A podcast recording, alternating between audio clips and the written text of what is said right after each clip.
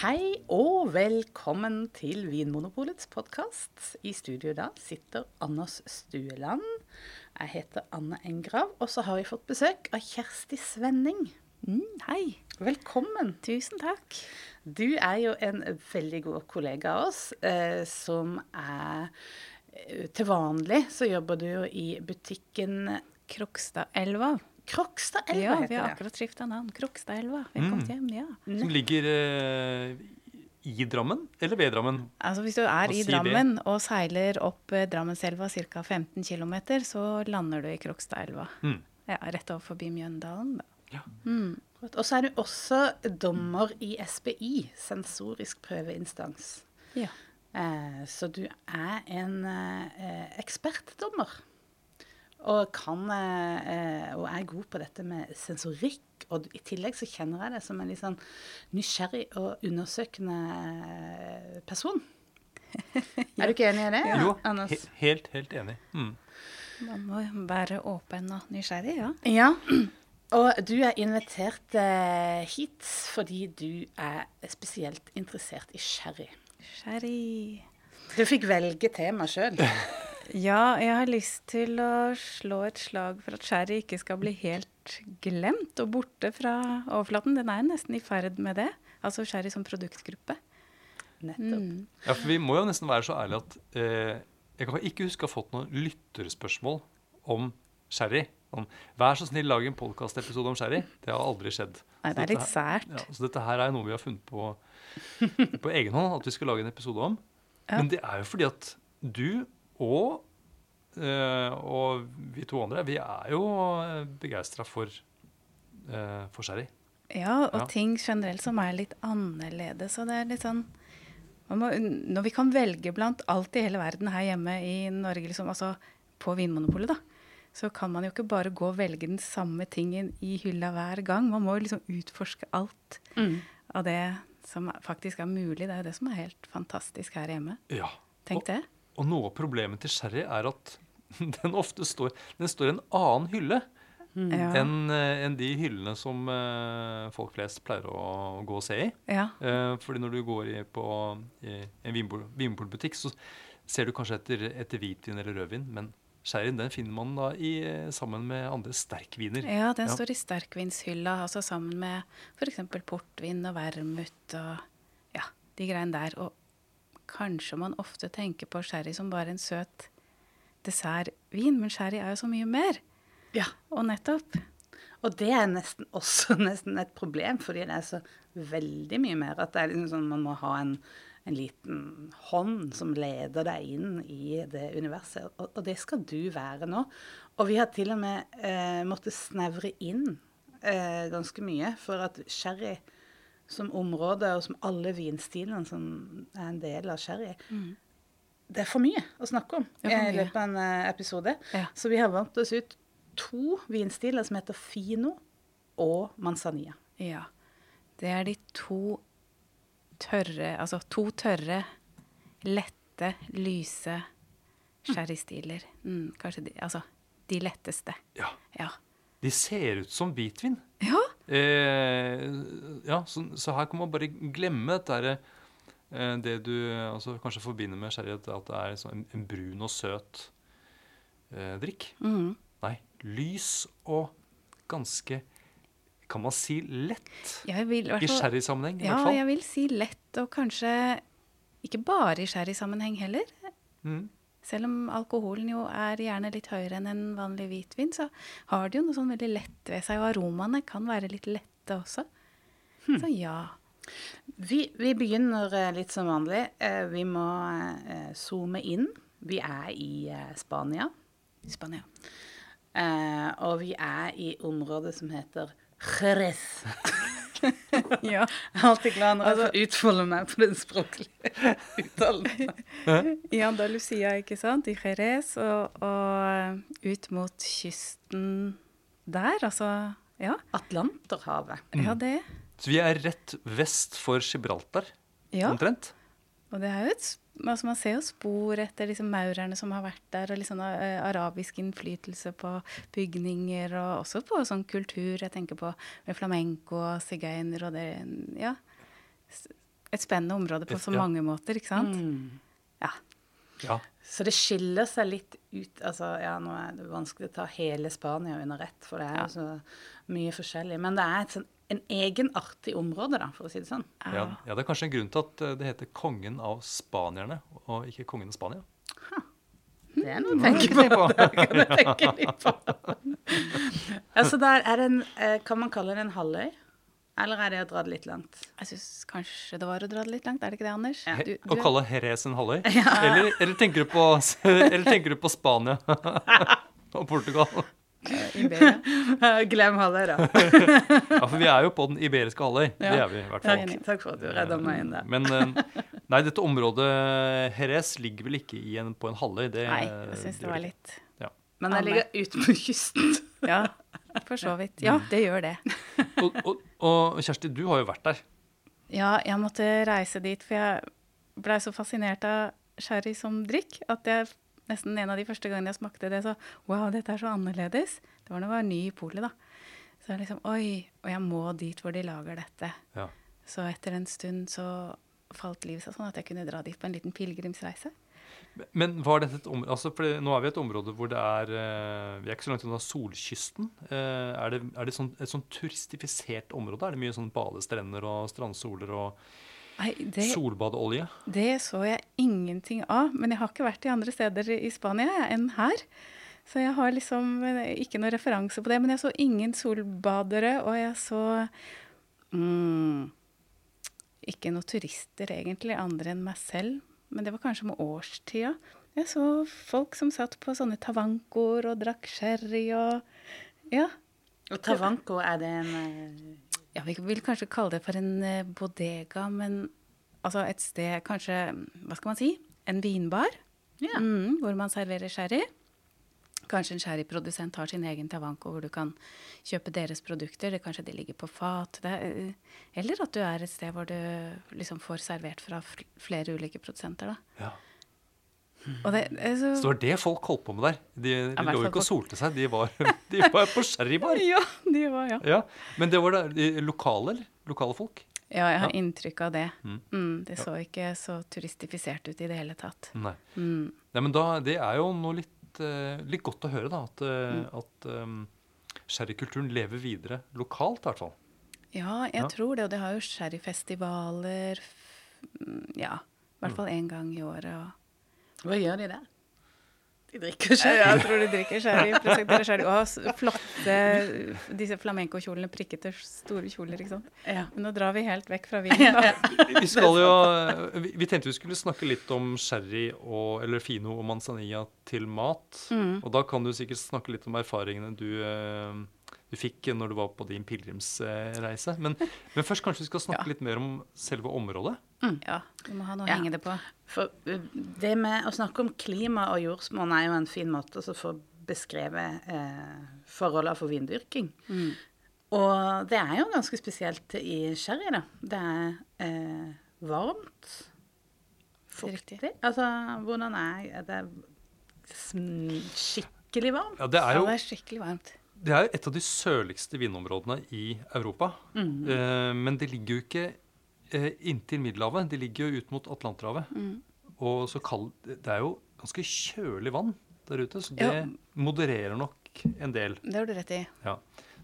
Så, jeg med, eh, så man regner vel klimaet for å være mildt om vinteren. Ja.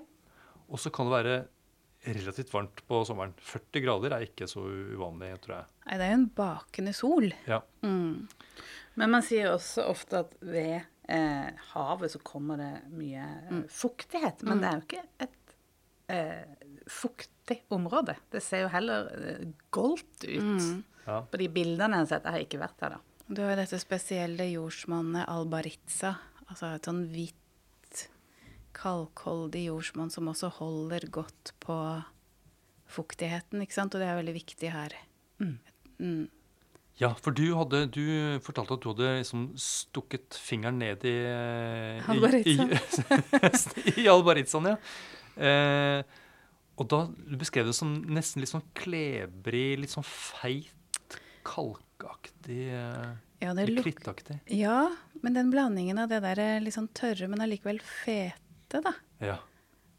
For dette her er jo gammel sjøbunn. Det er Ja. gamle sånn død plankton og små skalldyr og sånt noe. Litt sånn som På en måte noe som det har til felles med både chablis og champagne, egentlig. Ja, for jeg te har tenkt litt på den sammenligningen med champagne, hvor hvis vinmarker jeg kjenner også litt, da.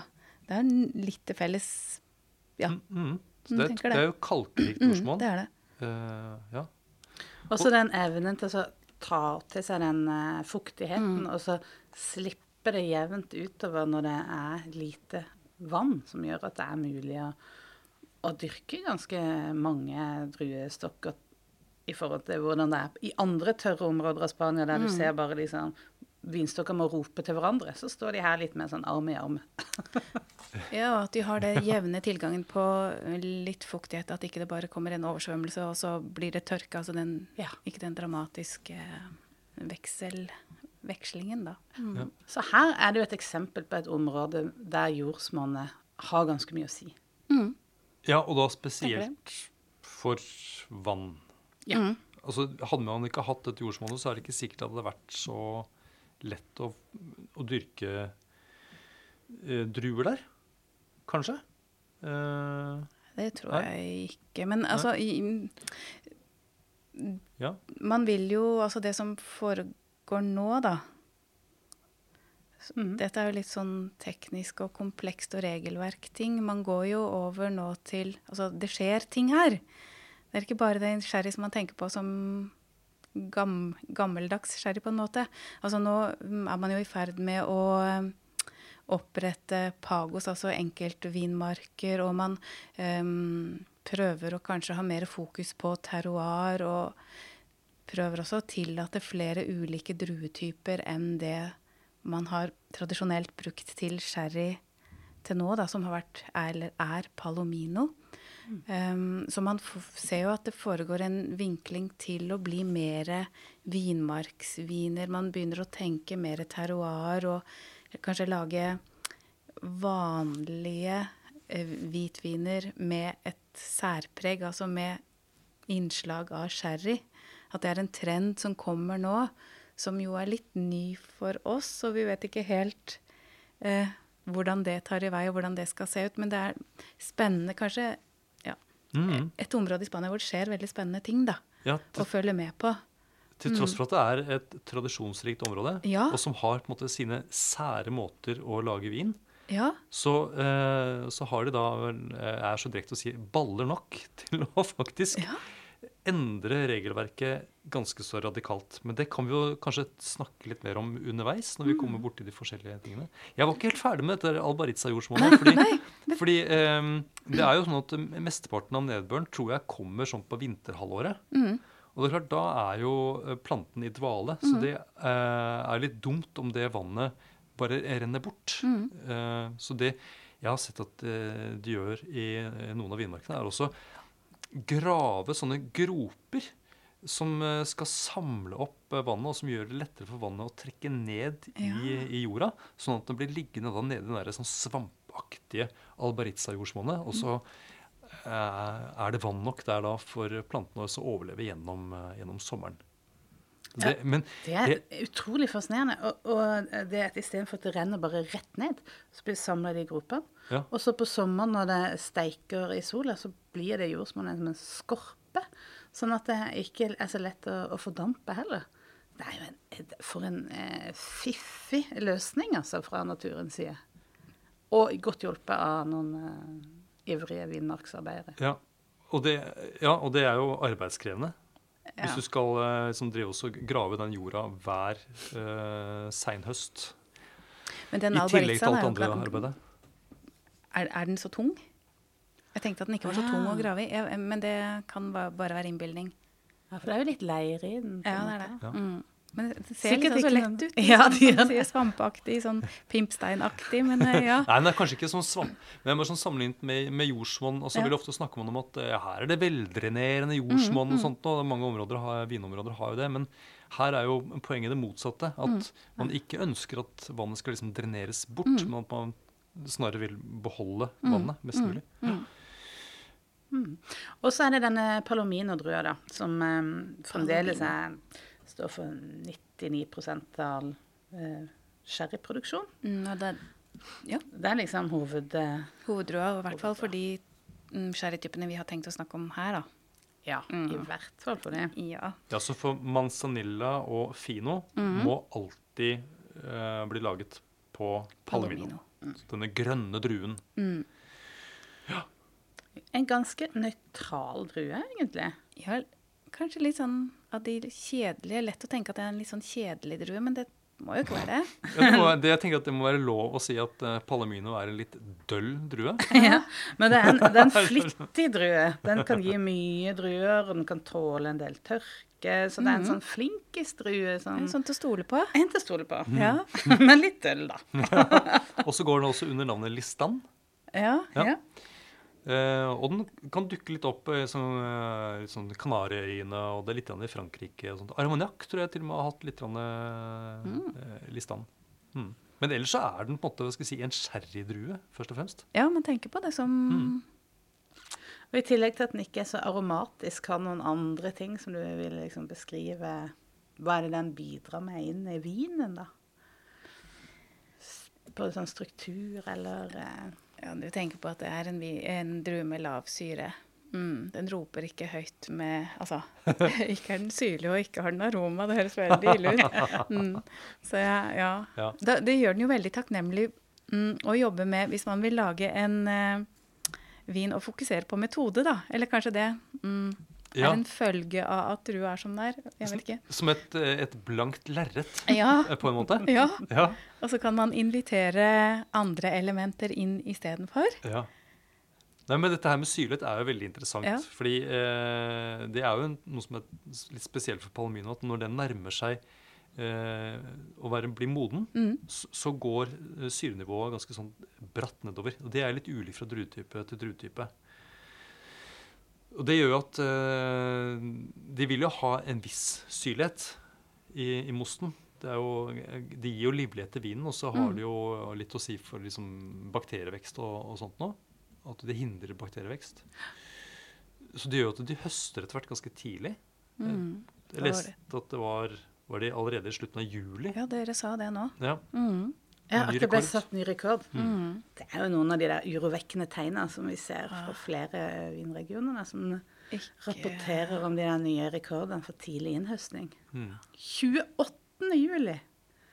Altså, det er jo Vi har jo ikke fått komme i gang med ferien ordentlig ennå. Nei, den, den søreuropeiske fellesferien den er vel liksom knapt nok begynt. Ja. Den har vel ikke begynt. Nei. Men eh, eh, ja, men det med syre uh, Jeg har hørt mange snakke om Fino og Manzanilla som friske uh, viner. Og det får jeg bare da ikke helt til å henge på greip. Jeg tenker at det er en myte. Hva tenker du om det, Kjersti? Jeg opplever de jo som litt sånn friske lette likevel, jeg. Ja. Det må jo, ja. Men jeg, jeg vil jo ikke si at det er høy syre som i en champagne, f.eks. Men det er noe med ved de som gir et annet inntrykk, da. Ja, Ja. nettopp. Ja, det, er, det sånn, er det aromaene som gir en sånn type livlig Ja. eh, sånt, en sånn inntrykk av friskhet, eller er det ja jeg tenker at det kjennetegner det liksom noe sånn litt saltaktig og sånne grønne epler og noen mandler. Altså, mandler er kanskje ikke så friske, men allikevel en fersk mandel er jo Er det ferske, liksom? ja. Ja. Du, nevner, du, du har, sier ikke noen sånne aromaer som går i retning sånn honning og tropisk frukt og sånt. Nei. Sånt, sånt noe finner man ikke i manzanilla og, og fino. Nei, det gjør det ikke. Nei. Og det, så det er kanskje disse aromaene De går i retning av noe, noe litt sånn tørrere, friskere Og litt, litt, litt sånn fersk sjampinjong. Og, og nå snirkler vi oss litt inn mot, uh, Stilen. mot stilen, ja, ikke sant? Ja, men det er interessant. typisk. Og kan det ha noe med det at uh, dette her er viner som er helt altså De er beintørre. Ja. Lovkravet er jo nå maks 4 gram sukker per liter, men de har jo uh, de er nesten, de er sånn, Det er mindre enn det vanligvis. Fordi de har gått gjennom en prosess hvor alt av sukker er spist opp. Mm. Kan, kan det ha noe med den der opplevelsen av friskheten at de er sånn Og glyserol også. Mm. Og det, men det kan vi jo eh, De har lite fedme, Ja. Ja. sånn som en del andre viner kan ha. Det har jo ikke disse sherrytypene. Ja, så den der eh, knastørre vinstilen er kanskje med på å forsterke følelsen. Altså det, du tar vekk så mye annet, da. Så da kjenner du syrligheten, som er der bedre. Kanskje? Som en sånn racerbil uten demping. Litt sånn litt hard dempinga. så liksom Ja. Ja. ja. eh, Jeg syns vi skal komme litt inn mot eh, produksjonsmetoden her, for vi er jo begynt. Altså, Ja. Mm. da, eller Ja, jo, nei, nei, nei. Du Jeg- ut Jeg syns det er helt, helt riktig. Eh, For det er, jo, det er jo her magien skjer. ja, det er det jeg tenker. At det, Ja. Oi, vi, kan jeg si det ordet nå? Ja. Ja. Flår? ja. Ja. Ja. Flår det, det, det Nå ser du For- så lykkelig ut. Ja. får, du får roser i kinnene faktisk av å snakke om om flår. Ja. Ja, det er jo et stykke før vi kan egentlig komme til den, men, men det er jo noe av det en manzanilla og en fino også lukter og smaker. Og flår, det er jo et eh, et teppe av en gjærsopp som legger seg eller, over vinen og beskytter vinen mot oksidasjon, i hvert fall i teorien, da. Um, Skal ja. vi ta, spole helt tilbake? Ja. Vi har plukka okay. denne palomino-drua Ja. fra denne hvite vin, jordsmonnet, hvite vinmørka, Mm. og plukka inn, fått ganske mye druer. Og så kommer de inn til denne sherry... Hva heter sherryvinmakeren? Er det ikke en Er det en bodega? Er det en bodega? Ja, det er en bodega. Ja. OK, hva skjer da? Hva gjør eh, hen med druene? Da vil man først lage en vanlig hvitvin. Ja. Ganske Det det. kanskje kjedelig hvitvin, siden vi sa at eh, stakkars Palomino var så trist. Ja. eh, ja, Anders, du har så Nei, eh, tegning. Ja, jeg har, jeg har faktisk en liten, en, en, eh, liten eh, skjematisk framstilling Ja, av prosessen her foran meg. eh, Ja. En liten jukselapp. Ja, den var så fin. Um, ja, det er Jeg er veldig glad for Jeg sa på forhånd dette må dere ta dere av, for jeg blir, går meg vill i disse produksjonsmetodene. Sherry sherry. er litt komplisert. ja. Nei, men altså, eh, De høstes jo inn, og så, og så presses det jo eh, med en gang eh, Ja. for disse tørre vinene. Som en Um, vanlig hvitvin. Ja. Og så presses de ganske forsiktig. Mm. Jeg tror de er litt sånn engstelige for å få tannin eller ting som på en måte kan gi en litt sånn grov struktur til vinen. Det vil de ikke ha. Mm. Uh, og så legges den da til gjæring, i, ofte i ståltanker. Mm. Uh, noen produsenter bruker uh, fat, men jeg tror de er liksom ganske sjelden. Og så blir det da en vanlig vin, som du sier. Mm. Eh, og, og, og den vinen har aldri jeg smakt. Jeg aner Nei. ikke hvordan den, også dette utgangspunktet, hvordan det smaker. Mm. Det har ikke jeg heller. Men det Det hadde vært en fin måte å bli bedre kjent med Palomino på. Ja. ja. Men det er ikke sikkert at Palomino er så interessant. Nei. Men jeg tenker at de ikke bruker så mye energi på å lage det liksom verdens beste vin der. Nei. Nei. Så mm, Det er bare første del av prosessen. ja. Ja. Og dette tenks Sherry er for meg en, en metodevin på en måte, altså hvor prosessen er kanskje det mest viktige. Da. Altså, det er jo viktig å ha sunne eh, druer. Ja. Utgangspunktet må være bra. Eh, men så mye av aromaen oppstår jo i metoden. Det er jo det vi egentlig snirkler rundt hele tida her. Ja, for Ja. så langt har vi egentlig bare laget en helt ordinær hvitvin. Ja. Eh, men så er det da vanlig å tilsette brennevin. Argaduente. Nei, det er, det, det, er, eh, det er Portugal, det. Det er Portugal. Ja, nå Ah. var jeg plutselig i portvin. Ja, men det er greit. Ja, men de tilsetter brennevin. Mm, nøytralt brennevin. Eh, ja, nettopp. Det skal ikke smake noe av det brennevinet. Nei. Og det skal sikkert være lagd på drue eller noe sånt. Mm. Og så eh, Og da eh, Det er ikke så mange prosentene de skal opp ved å tilsette brennevinet. Eh, De skal opp på 15 eh, når de skal lage fino og manzanilla. Ja. Og så, når de har tilsatt brennevin. Og hvorfor tilsetter de brennevin? Ja, hvorfor gjør de det? Ja, Vet du det? ja det er stoppe, da stopper man jo gjæringen og får det til å ah, ja, så holde de, seg, ikke sant? for du vil ha litt, eh, litt sukker igjen i, i, i Nei, den? Nei, kanskje nå tuller jeg litt. Ja, Nå tror jeg du er i portvins... eh, Ja, nå kommer jeg til ja, Portugal, Ja, da. for, ja, fordi nå Ja. Det er så Ja. Se der. Ja, fordi eh, jeg tror vinen som de tilsetter Ja. brennevin, den er ganske tørr. Den har gått Den gjennom er tørr. Jeg tror liksom gjæringen er stort sett eh, over. Og det er det lille grepet der, ved Ja. å tilsette det brennevinet, Ja. som gjør at den flaska blir plassert et helt annet sted i butikken enn den ellers ville gjøre. Ja, for det er det som gjør den til sterkvin. Det er det som gjør den til Ja, nettopp. Mm. Eh, nei, så eh, litt grann brennevin for å justere opp på 15% Og så har jeg skjønt at denne floren som du eh, elsker, eh, Kjersti, den, den, har, den har det best når, når det ligger sånn rundt 15 Ja, alkohol. ja, Det er liksom idealtilstanden når den kan liksom skvalpe på toppen av 15% alkohol. Ja, for den kan ikke ha høyere. Nei, det stemmer det. Ikke, mm. høyere og ikke spesielt mye lavere. Og så er det noe med at eh, 15% også tror jeg hindrer en vekst av andre uønskede ting. Det har liksom funnet en sånn sweet spot. Takk. Eh, og da, når de har tilsatt dette brennevinet, og den er oppe på 15% så puttes eh, da vinen i, i fat. Mm. Og der er det altså eh, floren skal utvikle seg. Og da er det viktig å ikke fylle fatet helt fullt. Eh, og disse vanlige fatene som brukes, har 600 liter. Og det vanlige er da å fylle på 500 liter, sånn at man har litt headspace, Ja. må man sier på, på engelsk. Eh, hodeplass. Sånn, at, eh, sånn at det er litt luft tilgjengelig, for det trenger floren. ikke sant? Ja. ja. Og den, den kan ikke bare være skvist i toppen, den må jo ha litt rom å bevege seg på også. ikke sant? For å blomstre. Ja. Ja. Flår betyr jo blomst. Mhm. Eller blomster, ja. Ja. Og det, I hvert fall den flåren jeg har sett her i Jerez, da, den er liksom som en tjukk sånn skylag eller blomkålbuketter eller, eller blomsterklaser som ligger på toppen ikke sant, av, av, av vinen der. Ja. Og så beskytter den mot altså, luft og oksidasjon, sier man gjerne, da. Men kommer den av seg sjøl? Kommer den i lufta? Om den kommer til lufta. Den kommer i hvert fall helst av seg selv, ja. Nå vet jeg ikke om de jukser og tilsetter noe. Jeg kan jo innbille meg at de kanskje gjør det, da. Altså, ja, de det vil jeg tro. eh, ja, noen har Ja. muligheten altså ja. I verste fall så tilsetter man, eller noen Ja. gjør det også planmessig, da. Den romantiske ideen, ikke sant, er litt annerledes enn virkeligheten. Ja. Mm. Uh, ja. Og så langt det vi har beskrevet nå, det er likt for Fino og Manzanilla. Mm. Er det noe som skiller de i det hele tatt? Ja, det er stedet hvor de lages. Så en fino lages i Jerez og nærområdet rundt Jerez. Og for at det skal bli en manzanilla, så må man reise enda lenger ut mot kysten, til en liten by som heter San Lucar de Barameda. Der er det jo litt svalere.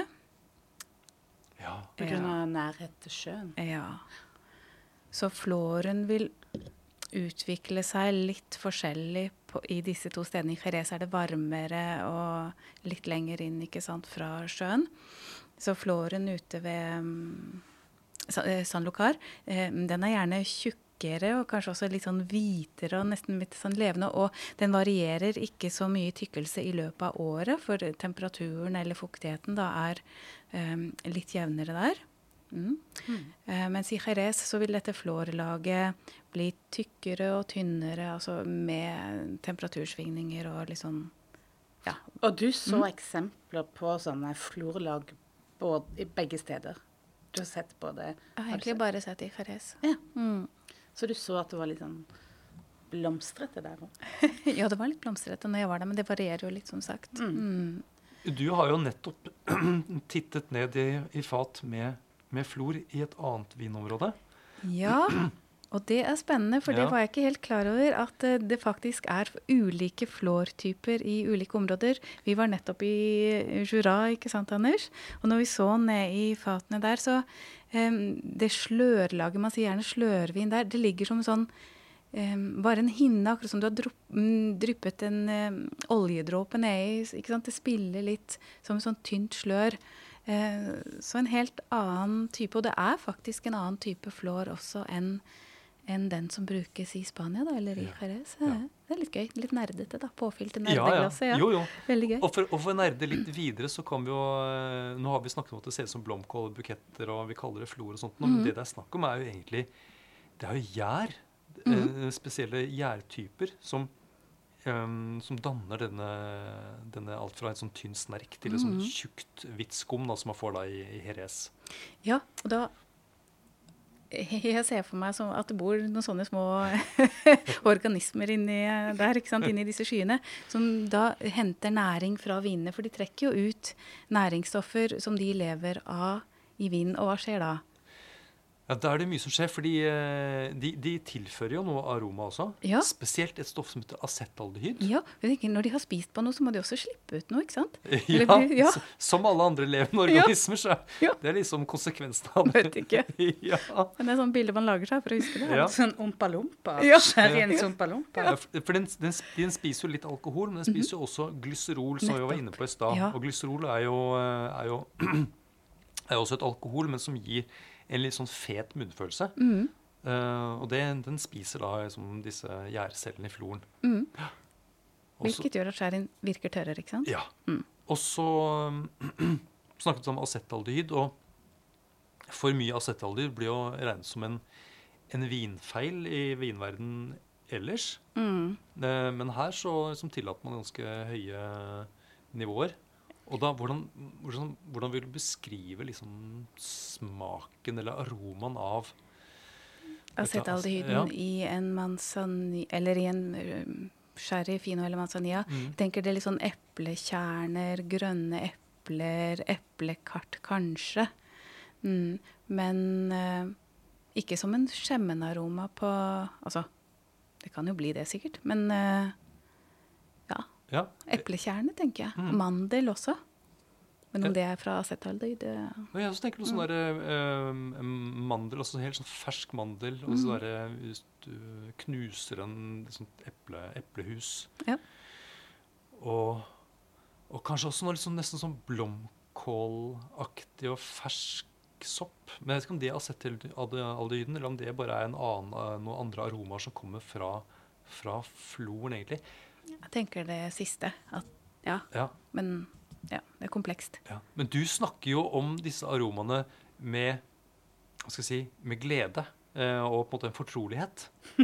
eh, men Ja. men jeg, jeg, jeg tror jo, eller jeg er sikker på at de som setter nesa si borti et glass med manzanilla eller fino uten å være forberedt på hva det er for noe, tror at det kanskje er en vanlig hvitvin, de tror jeg mange av de vil nok reagere negativt. Tror du ja, ikke det? Jo. Eller? Eller at de i hvert fall stusser over at dette her er rart. Ja, jeg tenker at det er en vintype man må introduseres eh, litt for av en god venn eller en ekspeditør på Vinmonopolet som kan forklare deg hva dette er, hva du tar med deg hjem. For hvis du går, eller hvis du har fått en sherry gave, kanskje du har fått en av denne typen, og så tror du det er en av disse søte, brune sherryene som vi var inne på i stad, og så får du jo sjokk når du åpner denne flaska her, hvor det er helt stikk motsatt. Så det, det krever noe av drikkeren at du er åpen og nysgjerrig rett og slett på andre typer aromaer. Mm. Mm. Og så er det kanskje et poeng å smake bare ett glass. Ja. Sånn at man, Det er litt sånn som når det er sånn tilvenning i barnehage og sånn. At du er det bare litt, og så går du mens det fremdeles er gøy. Ja, ja. mens Ja. du fremdeles har lyst på litt mer. ja. Så det er kanskje en, en av de eh, vintypene som er et poeng å smake på en vinbar, f.eks., eller et utested. Jeg tenker det er smart. Ja. Man drikker liksom ikke en halv flaske med sherry. Jeg tenker, altså, eller, Det er i hvert fall eh, det, er, det er krevende. Ja, det er krevende. Og Ja. jeg tenker når du serverer sherry, uansett hvilken type, så er det jo så viktig å vite hva du egentlig serverer. Mm. Det er høy alkohol, og det er jo noe annet, så du må hvert fall huske å sette det vannglasset ved siden av. Ja. Det er ikke en tørstedrikke sånn sett. Nei, det er sant. Mm. Så det, ja. Men denne, nå ligger altså da vinen eh, i disse fatene under, eh, under et sånt tykt, deilig lag av flor. Mm. Um, men så er spørsmålet hvor lenge skal den ligge der? Ja, tenk. Den blir liggende under flår. Altså, det, det er jo en prosess hvor den ligger Vi kaller det for en solera-metode. ikke sant? Den ligger på fat, og så får den tilført ny næring gjennom ferskvin gjennom flere år. Altså Vi snakker om tre til seks år gjerne for en av disse typene her. Så da må du Tenk på det. ta ut litt først, da.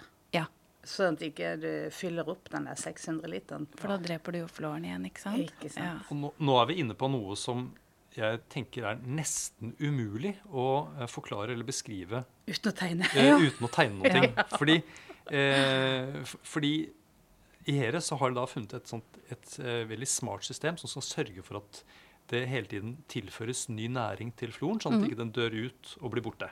For det er viktig. Og da er det det som du da sier, Solera-systemet. Ja. Ja, og det er eh, Hvis du som hører på, da ser for deg at eh, du har stablet flere lag med fat oppå hverandre, nesten som etasjer mm. med fat, så er det den nederste etasjen, eh, første etasjen, det er den som egentlig kalles solera eh, i området. Og man begynner med å da tappe ut en mengde vin, ferdig vin, til å flasketappe eh, fra Solera, den nederste eh, rekken. Og da er det jo blitt litt mindre i de fatene. Og da er det plass til å fylle på litt mer i de fatene, så da tar man og tapper over fra den etasjen som er over. Stemmer. Og så jobber man seg da gradvis oppover og oppover og oppover til den, det øverste nivået.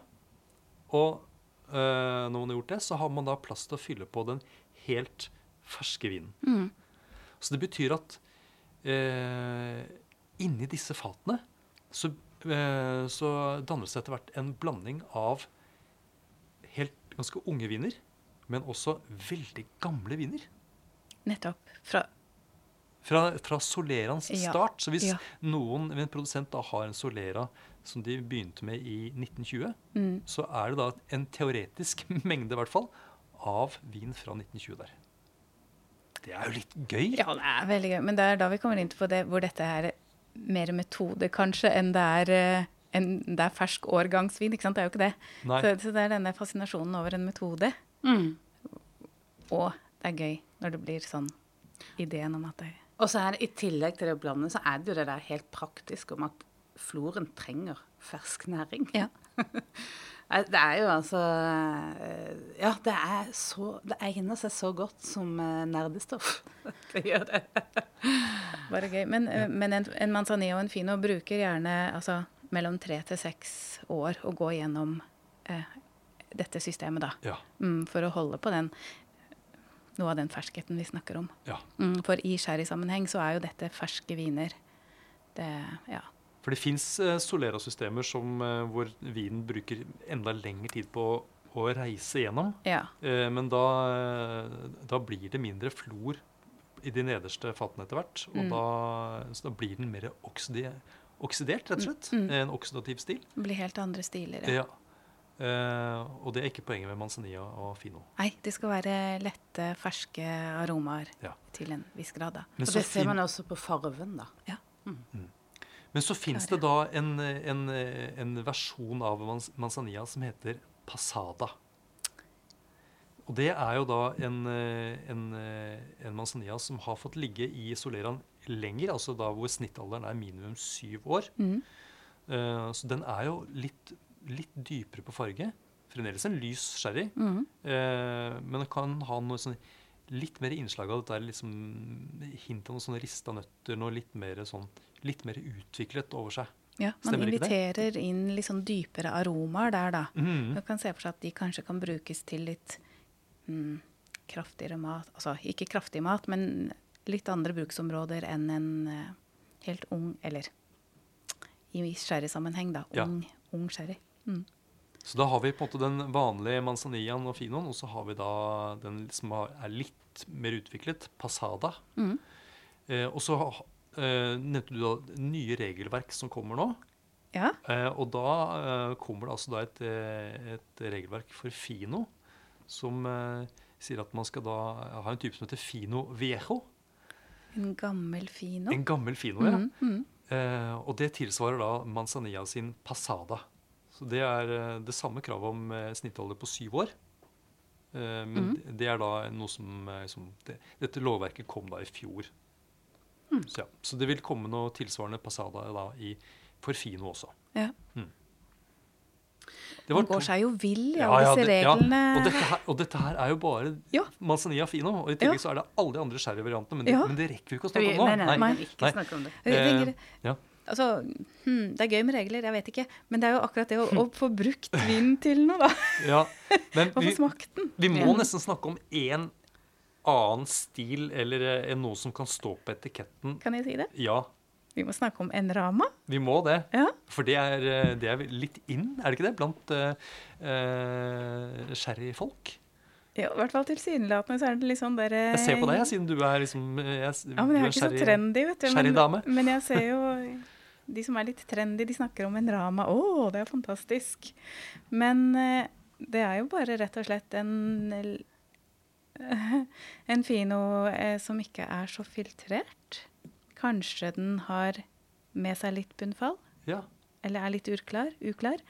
Men eh, jeg har ikke helt klart å mm, avsløre om det faktisk er så mye mer fantastisk enn en god manzanilla og fino sjøl, da. Men eh, det, man kan jo godt være uenig, så det er helt greit. Men er det sånn at du tenker at det ikke smaker noe særlig forskjell? Det må jo smake litt forskjell. Ja. Men eh, Vanskelig å sette fingeren på akkurat hva ja, det er. jeg syns det. Men det, det har noe med ferskhet å gjøre. Altså dette er jo produkter som mange mener bør drikkes helt ferske, ikke sant. Mm. Det betyr, altså Uttrykket betyr jo fra, Greina? fra greina. Ja. Og i det så ligger det jo at uh, det bør være noe som er, eh, har noe ferskt over seg. Mm. Og at det har ikke så lang holdbarhet heller. Um, Men jeg, det, jeg, og her forstår ikke jeg helt logikken. Nei. egentlig, Akkurat dette med at, eh, at eh, fordi produktet er litt mindre At det er mindre filtrert, mm. så skal det ikke holde seg så lenge. Det, det, det fors- ikke, eller altså ikke holde seg like lenge som vanlig manzanilla og fino. Mm. Men Men- er det noe med det at man sier dette her med å lagre under et lag av flor, det er jo noe man kaller for biologisk modning. Mm. At det er liksom et, en annen sånn en sopp da, som er med på modninga. Er det en tanke der om at hvis du ikke filtrerer det hardt, så blir det med noen sånne små mikroorganismer over i den ferdige vinen? At det kan gjøre den litt ustabil? Men den, de er jo dødd ut. Det er jo ikke noen forhold for øh, denne floren å vokse videre i Nei. Jeg har, Nei. tror ikke det. Nei, jeg, og jeg vet ikke, og jeg har jo smakt veldig lite eh, en rama. Men jeg har også tenker at det er fremdeles det jeg ville kalle en, en typisk fino eller manzanilla. Det er ikke noe sånn at det er noe, noe nevneverdig forskjell. Jeg ville ikke liksom tatt det blindt. Nå er det mye jeg ikke tar blindt, men Nei. Men, Eh. men det er jo en sånn Det er noe, en, en litt forlokkende tanke, da. Mm. Å få um, noe som er eh, er nærmest mulig slik vinen er når den ligger på den nederste rekka med fat. Å, er det sånn er rett fra greina, ja? Rett fra greina, rett fra liksom Rett fra soleren? fatet, nå, Uten å tukle det til noe mer. Du, på en måte, Ja. Det er som å drikke, drikke melk rett Ja. fra kua. nå, nå trenger det ikke bli ekle. Um, En cask strength, da. Ja. ja. Så, men, eh, men spørsmålet er jo på en måte hvor mye er det som må filtreres egentlig når man tapper det på vanlig Mm. måte. Eh, så det, ja. Der strekker ikke kunnskapen Nei, min og jeg tenker at igjennom når du på en måte ligger tre til seks år, Ja. eller bruker så lang tid på å komme igjennom, så tenker jeg at den er jo ganske klar, den vinen. Ja. Ja. Ja, men, nei, men, men, det, men det er en greie, i hvert fall. En drama. Eh, Mm, ja. det er en greie, ja. Ok, så da har vi vært eh, innom det at eh, eh, Sherryfolket eh, har vært litt fortvila. De sitter på, et, eh, eh, sitter på mange produkter med lang historie og mye sinnrik produksjonsmetoder. En god del regelverk. Og så er det paradokset at verden snur de ryggen og er ikke så interessert, med unntak av sånne uh, ildsjeler som deg, da, Kjersti. Eh, og så har de begynt å gjøre noe. De har begynt altså, å snu opp ned på hele regelverket. Og så har de gjort en voldsom eh, revisjon av hva som er lov og ikke lov. Eh, og nå tar vi bare for oss det som eh, gjelder da Fino og Manzanilla. Og, og dere har allerede snakka om det, at dette her med Pago, opprettelse av sånn enkeltvinmarker. Eh, dette med nye regler for Fino Viejo, sånn lagrings... eh, Altså, ja, modningsgrad av, av Finoen. Er det, eh, og en rama, er en del, en del av dette nye, eller har det Mm, det- vært i gang en ja, Det i gang en stund. Den har vært, ja. Det har men, vært men, de, men de får på plass hva skal jeg si, et strengere regelverk rundt hva som skal til for å kalle en, en rama. Ja. Uten at jeg vet akkurat hva det går i. Og så er det hva, hva annet er det de vil gjøre da for å liksom møte fremtida? Ja. Det, Det, begynner å bli vanskelig. For ja Hvordan skal vi få sagt det, Anders? Hvor du vil lage en vin som ikke er forsterket, men øh, går fra å bevege deg vekk fra denne metodevinen, da, som jeg liker å tenke det som, til å bli viner som har mer fokus på frukt og druetype og terroir. Altså at man tenker helt annerledes, rett og slett. Man vil inn i vinverden. Inn i vinverden. Ja, fordi det eh, Produsentsammenslutningen i, i Heres ønsker, er jo å få eh, godkjent et regelverk i EU Mm. eh, der det skal være lov for eh, sherryprodusentene å ikke tilsette brennevin så lenge vinen oppnår naturlig 15 eh, alkohol for Fino og Manzanilla. Så, Og det er jo ofte mulig å få til 15 Mm. og det er jo helt sjukt, for da endrer du Det er jo eksistensielt, egentlig, for sherry som hetvin. For da er det jo plutselig en hvitvin. Ja. Det, Ja. Så det vil jo bare en, sånn, en liten endring der som vil gjøre ganske mye. Fordi Men det er ikke bestemt at da skal all vin være sånn. Da er det valgfritt. det er valgfritt.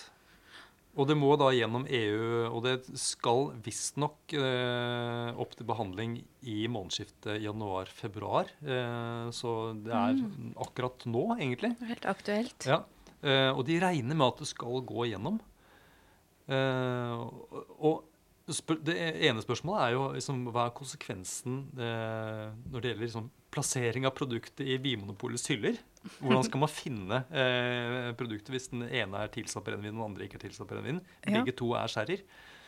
Og- Eh, Vil vi fortsette å kalle det sherry, eller ja, hva vil de? Må man Ja. Hvitvin fra sherry, kanskje? Fra ja. ja. Det, vi har jo det nå. Det er jo Ja. det nå. Um, Eller også er jo det det andre spørsmålet, og det er kanskje litt viktigere, er jo Vil det påvirke smaken av sherry? Eh, du, du snakket Kjersti, om at eh, dette her er en måte å si, nærme seg vinverden ellers. Man inviterer inn eh, frukten og det stedegne. At det skal også være viktig, og ikke liksom, prosessen ikke være så viktig. Men, men det er fremdeles sånn at de må jo de må jo ligge under flor. Du kan jo ikke selge en, en Fino eller Manzanilla som ikke har ligget under flor. Nei, Hvis du skal ha en Fino og Manzanilla, så må det jo det. Ja. Mm. Dette er så ullent og litt sånn derre mm, eh, eh, foreløpig at det er litt sånn uklart at det er Ja. litt vanskelig å være tydelig og tenke rundt det. Det blir jo tanker. Ja, men, Ja. eh, men det er jo Ja, det blir kanskje en, en ny stil til. Som bare er en hvitvinstil som Ja, jeg tenker ikke har florlagring. kanskje det. Det tror ikke jeg, altså. Det er, ikke, det er ikke sånn som jeg tolker regelverket. Nei, sånn- hensikten er vel ikke å ta livet av sherry som den tradisjonsdrikken det er. Nei. Det er vel å kunne åpne for et uh, ytterligere mangfold, og så må jo tiden bare vise hva som kan få lov til å overleve. Det er jo trist med alt som dør ut av gode ting, men altså, OK, Ja. sånn er jo verden. Ja, for det, eh, jeg vil bare nevne tre ting til som er i dette forslaget, som sannsynligvis blir vedtatt nå da i EU. Og, og det ene er det at eh, områdene for eh, sherros... Jeg klarer ikke snakke. Sherry, sherry lady. Sherry superior. Altså det som Ja. kan At det utvides til ikke bare gjelde dette her triangelet som du beskrev med den San Lucar San Lucar de Barrameda og den og Jerez. Ja, Puerta Santa Maria, også en annen liten sherryby. Ja. nettopp. De utgjør et sånn triangel der all modning må foregå innenfor. Og, og det er en, en del sånn Ja, dette regelverket som er litt komplisert. Og dette triangelet skal da utvides. Så det blir litt enklere, kanskje, å forholde seg til. Og også inkludere flere produsenter. Ja, Så det betyr at eh, en som vil lage en Fino, kan egentlig eh, holde til utenfor dette opprinnelige triangelet Ja. og lagre vinen sin der. Mm. Og kunne merke vinen som en Fino. Men de som lager Manzanilla, de må fremdeles være innenfor dette DO-området til eh, San Lucar de Barameda. Mm. San Lucar de Barameda! Og så er det en annen helt sinnssyk ting de foreslår. Og det er det at Palomino ikke skal være eneherskende lenger. Men, eh, og der er jeg også litt usikker på om det faktisk gjelder Fino Manzanilla, eller om det er andre Ja, sherrytyper. og her sitter jeg da med min kulepenn i, i lufta for å måtte få Ja. stikke en liten kommentar her. Yes. Eh, ja, fordi eh, Ja, de skal eh, tillate seks eh, nye druetyper eh, i regelverket. Men det er vel å merke altså eh, historiske druetyper. Det er ikke sånn at de som importerer druer fra andre områder. Men eh, selv om de da kan brukes enten som eh, endruevin eller som blanding, så er det fremdeles palomino som er druen som brukes i fino manzanilla. Ja. Det er florlerretet, Ja, på en måte. nettopp. Så palomino består som liksom Det må du ha, og du må ha florlagring. Ja. Mm. ok, Ja, Greit. For fino Ja. manzanilla. Men du må ikke lenger ha obligatorisk forsterkning av vinen. Nei, hvis det går gjennom i EU. Hvis det går gjennom. i EU. Ja. Og så er det også eh, noe med eh, regulering av minimumssukkergrenser, har jeg skjønt også. Men det er mer sånn detaljer. Det er det, ja. Mm. Ja, nei, men det her er, det er jo altså det, Den er jo borte Disse nye regelverkene det er borte å touche på alt som er Ja. essensen av vinlovene her. Og jeg skjønner jeg, Altså, det må jo ha vært kjempediskusjoner. Eh, Det er egentlig helt utrolig at de har klart å bli enige om Ja. en, eh, et så omfattende og omkalfatrende eh, regelverk, egentlig.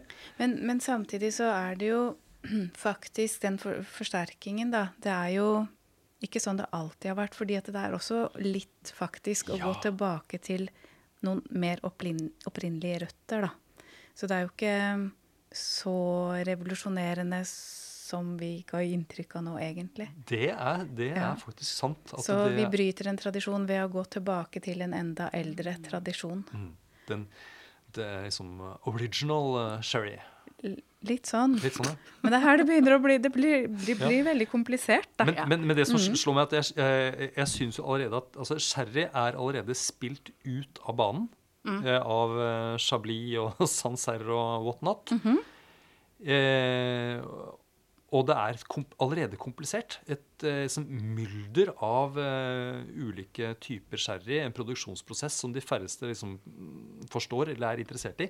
Og så legger de da på nye lag med regler og måter å merke og druetype. Det er, nå er det Ja. nå må du virkelig være spesialist, eller eventuelt høre på Vimpols podkast for å liksom klare å nøste seg gjennom dette her. Jeg, Jeg, eh, det? så det er, jeg, jeg må jo si at det er ganske modig gjort. Ja. Ja, det er modig gjort. Eh, Opplever du det som ekskluderende? Mm, Ja, og kanskje det er det de ønsker her. At de, altså de, ha- eh, Sherry lager jo en del vin som er hva skal si, for et sånn type mass, massemarked. Som står for mye av produksjonen der. Men disse typene som vi snakker om nå, Fino og de retter seg nå kanskje mer inn mot konnoissørene. Altså de virkelig interesserte. Og de vil kanskje ha den derre interessen for enkeltvinmarker og nerde litt mer i, eh, i ting, da. Ja, I sånn spesialbegreper og sånn. Mm, Ja. Mulig det, altså. Kanskje. Jeg hørte en beskrive det nye regelverket for sherry som en løk med veldig mange lag, og, som får deg til å begynne å grine. Jeg synes det er godt sagt. Ja. Men, men jeg tenker at det er jo et område av Spania, et lite hjørne av Spania, som det er veldig spennende å følge med på nettopp pga. det her, og, og vinene som kommer derfra nå og i framtida. Jeg tenker at det blir veldig spennende å følge med de. Og så, også hvis man liker viner, altså vanlige hvitviner med litt flårpreg, men som også har frukt og jakta på den ideen om et jordsmonn, ikke sant? Så, mm, så selv om jeg er veldig glad i, i sherry, fino manzanilla, så syns jeg jo det er spennende med de nye tingene som skjer også. Mm. Og, ja, og jeg tror jo også at det er med på å holde mm, vinproduksjonen i området levende, da. Ja, Ja. det er vel det som er Ja. Jeg håper jo Ja, det. det er jo det. Jeg, jeg, bare, jeg bare kom på en ting som jeg tenkte jeg bare skulle eh, nevne. Og det er at Vi har nå snakket om at disse vinene skal ligge lenge på fat. For det gjør de jo. Ja. Og da er det jo lett å tenke at det er fatpregede viner. Men det det, er det ikke. men det er det ikke. Eh, de ligger ofte, Det er mye amerikansk eik som brukes, men de, de er ikke fatprega. Det var bra, Anders, Ja. at du sier det. Jeg bare, jeg bare kom på det. Mm. Fint kommet på. Uh, Og så um, et par ting til, helt Ja. praktisk. Um, når man har fått en sherry, eh, og da må jeg bruke Fino Manzanilla da, Ja. som eksempel, og du åpner den flaska, Mm. er den som en vanlig hvitvin i holdbarhet, vil du si? Ja, teorien sier jo det. Mm. Men altså, jeg syns jo det er en genial liten Altså, de kommer jo ofte i halvflasker. Det er fint. Ja, det er veldig fint. Mm. Eh, så du må ikke skynde deg å drikke den på en kveld. Eh, men jeg har jo hatt min flaske stående i kjøleskapet én eller to eller flere uker også. Og de er De blir ikke ødelagt av det. Altså OK, som i en annen vin, så opplever du kanskje at det helt sånn ferske som er til stede når du åpner den, at det forsvinner lite grann. Men den er ikke store endringen som foregår, syns, tenker jeg. Så jeg tenker at det er en, eh, egentlig en fin, fin aperitiff å ha stående, så man ikke må drikke så mye, da. Bare det lille glasset mens man lager mat, f.eks., og så er det greit. Og så kan man ha den over noen uker. Ja. Mm. Mm. Ja, for jeg har også uh, hørt noen snakke om at det er Manzanilla Fino er skjøre viner. Altså viner som ikke tåler å ikke lagres eh, i flaska, og, og heller ikke tåler å stå åpnet særlig lenge. Men min erfaring er, som du sier, eh, en uke eller to Mm. eh, i kjøleskapet åpna. Ikke noe problem. Mm. Mm. Så er det det der forskjellen på om et produkt er ødelagt, eller om du bare har endra en nyanse. Man er litt sånn redd for at det skal bli helt i stykker. Men eh, ja. Det, det er interessant. Mm. Men eh, er det noe poeng å kjøpe inn en kasse med manzanilla og legge den i vinkjelleren for å liksom, ta den opp om 10-20 år? Nei, det ville jeg ikke ha gjort. Det er ikke noe poeng. Nei, ok. Nei. Da tenker jeg at da eh, endres aromaene i en ugunstig retning hvis du skal ha det så lenge. Det tror jeg. Ja. Men jeg har ikke prøvd det, Nei, ikke jeg heller. så jeg skal jo ikke være Eh, forutinntatt uh, helt. Um, Pling! Vi må legge vekk noe fint. det kan godt hende. Altså, det det, det fins jo varianter av hva skal jeg si, eh, av sherry som Mm. på en måte er en sånn blanding av det der oksidative og, og florpregede. Eh, Er det sånn at de liksom vil nærme seg en amontillado stilmessig med, med lagring i kjelleren? Vet ikke. Men hvis det er sånn at du liksom er på jakt etter dette særegne manzanilla og Mm. fino-preget, så er det ikke noe poeng å så lagre vinen. Det er jo det du tror jeg du vil ha når du Ja. kjøper en flaske av dette. Mm. Det er det det du ser etter? Men eh, en eh, liten ting til. Vi må tilbake til din pilegrimsferd og snakke litt om noen matopplevelser du hadde. På får... disse her, hva, hva kalte du det? Taberna? Nei. En tavanco? Tavanco! Ja. Ja, Vamos! Jeg, jeg tenker at Vamos a eh, Oh, ja. altså, Ja. eh, ja, for at Som du sa, Anders, du kan ikke sette deg ned og drikke en halv flaske altså, Fino bare sånn av seg sjøl. Det er veldig fint å ha noe ved siden av. Og er det ikke helt magisk å få en flaske, eller en manzanilla, altså den letteste stilen av sherry, ved siden av en salt, helt fersk grønn oliven? Og det bare knaser i oliven, og det knaser nesten i sherry nå. Ja. ja. Ah. Eh, ja. Litt spekeskinke ved siden av finoen der. Perfekt sånn aperitiffer, tenker jeg. Især i den litt sånn lyse årstida, men ja. Så litt sånn salte mandler, eller? Å, nam.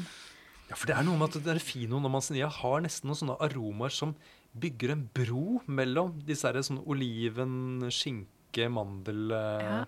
Mm, Du tar igjen de aromaene. Deilig. Men jeg tenker også som et følge til et, eh, et sånn tapasbord, et, eh, sånn som vi driver med her hjemme. Det takler så mye forskjellige smaker. Mm. eh, at det ville være perfekt følge. og Ikke bare gå for en, en lett rødvin eller en, en hvitvin, Ja, men utfordre deg selv med å velge en, en sherry også til tapasen. Ja, for du, Ja. du har jo snakket om disse vinene som er litt sånn lyse og lette og sånt, Ja. men de er ikke tandre. Altså, de, de tåler litt, de eh, litt motstand i, i maten, egentlig. Ja. Er, det, er det det vi kaller robuste viner? Altså viner som ikke forandrer seg så mye sammen med mat? De blir ikke spinkle og uttørka eller forsvinner, Ja, bli overdøva jeg tenker de holder på særpreget sitt uten å Ja. At jeg kan kalle de robuste, som du sier nå. Så pølser og litt sånne, litt sånne halvharde guloster og Du snakka om at at du hadde smakt oliven. etter bri. Ja, en litt sånn fersk bri. Ja. Eh, man sier, ja, Det var en innertier.